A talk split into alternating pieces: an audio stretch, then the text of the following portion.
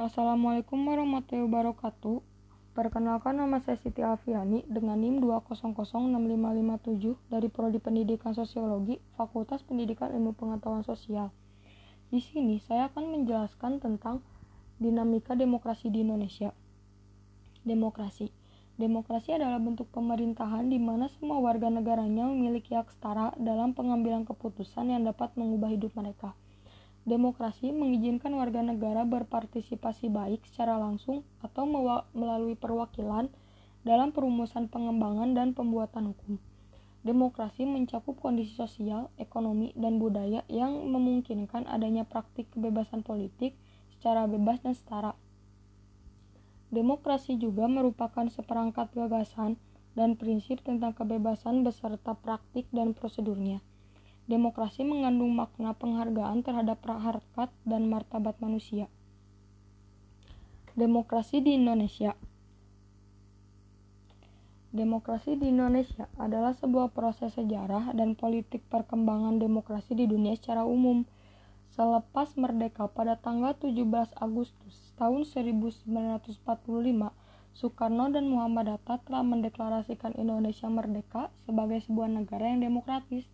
Dalam teks proklamasi disebutkan atas nama bangsa Indonesia, yang apabila dikaitkan dengan definisi bangsa yang dimaksud adalah seluruh rakyat Indonesia. Jadi, kemerdekaan Indonesia merupakan kemerdekaan yang diperuntukkan bagi rakyat Indonesia itu sendiri. Kendati telah ada konsep tentang demokrasi, para founding fathers Indonesia tetap memiliki konsepnya masing-masing. Kebanyakan dari mereka berusaha untuk mengambil titik tengah dari penafsiran yang ditafsirkan oleh negara barat yang liberal dan kapitalis dengan pemahaman negara timur yang komunis.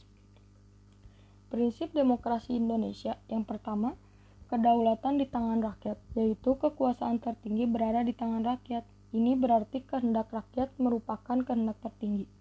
Yang kedua, pengakuan dan perlindungan terhadap hak asasi manusia, Pengakuan hak asasi manusia di Indonesia telah tercantum dalam Undang-Undang Dasar 1945 yang sebenarnya terlebih dahulu dari Deklarasi Universal PBB yang lahir pada 24 Desember 1945, Peraturan tentang Hak Asasi Manusia. Undang-Undang Dasar 1945 dimuat dalam pembukaan Undang-Undang Dasar 1945, alinea pertama dan alinea keempat, batang tubuh Undang-Undang Dasar 1944, Ketetapan MPR mengenai hak asasi manusia di Indonesia telah tertuang dalam Ketetapan MPR nomor 17 tahun 1998. Setelah itu dibentuk Undang-Undang nomor 39 tahun 1999 tentang hak asasi manusia. Yang ketiga, pemerintah berdasar hukum atau konstitusi. Pemerintahan berdasarkan sistem konstitusional dan hukum dasar dan tidak bersifat absolut atau kekuasaan yang mutlak tidak terbatas. Sistem konstitusional ini lebih menegaskan bahwa pemerintahan dalam melaksanakan tugasnya dikendalikan atau dibatasi oleh ketentuan konstitusi. Yang keempat, peradilan yang bebas dan tidak memihak. Setiap warga negara Indonesia memiliki hak untuk diperlakukan secara sama di depan hukum, pengadilan, dan pemerintah tanpa membedakan jenis kelamin, ras, suku, agama, kekayaan, pangkat, dan jabatan dalam persidangan di pengadilan.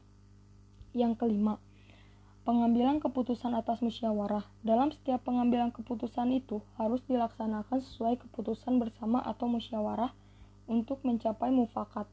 Yang keenam, adanya partai politik dan organisasi sosial politik. Bahwa dengan adanya partai politik dan organisasi sosial politik ini, berfungsi untuk menyalurkan aspirasi rakyat. Yang ketujuh, pemilu yang demokratis. Pemilihan umum ini merupakan sarana pelaksanaan kedaulatan rakyat dalam negara Kesatuan Republik Indonesia yang berdasarkan Pancasila dan Undang-Undang Dasar Republik Indonesia tahun 1945. Ciri-ciri demokrasi.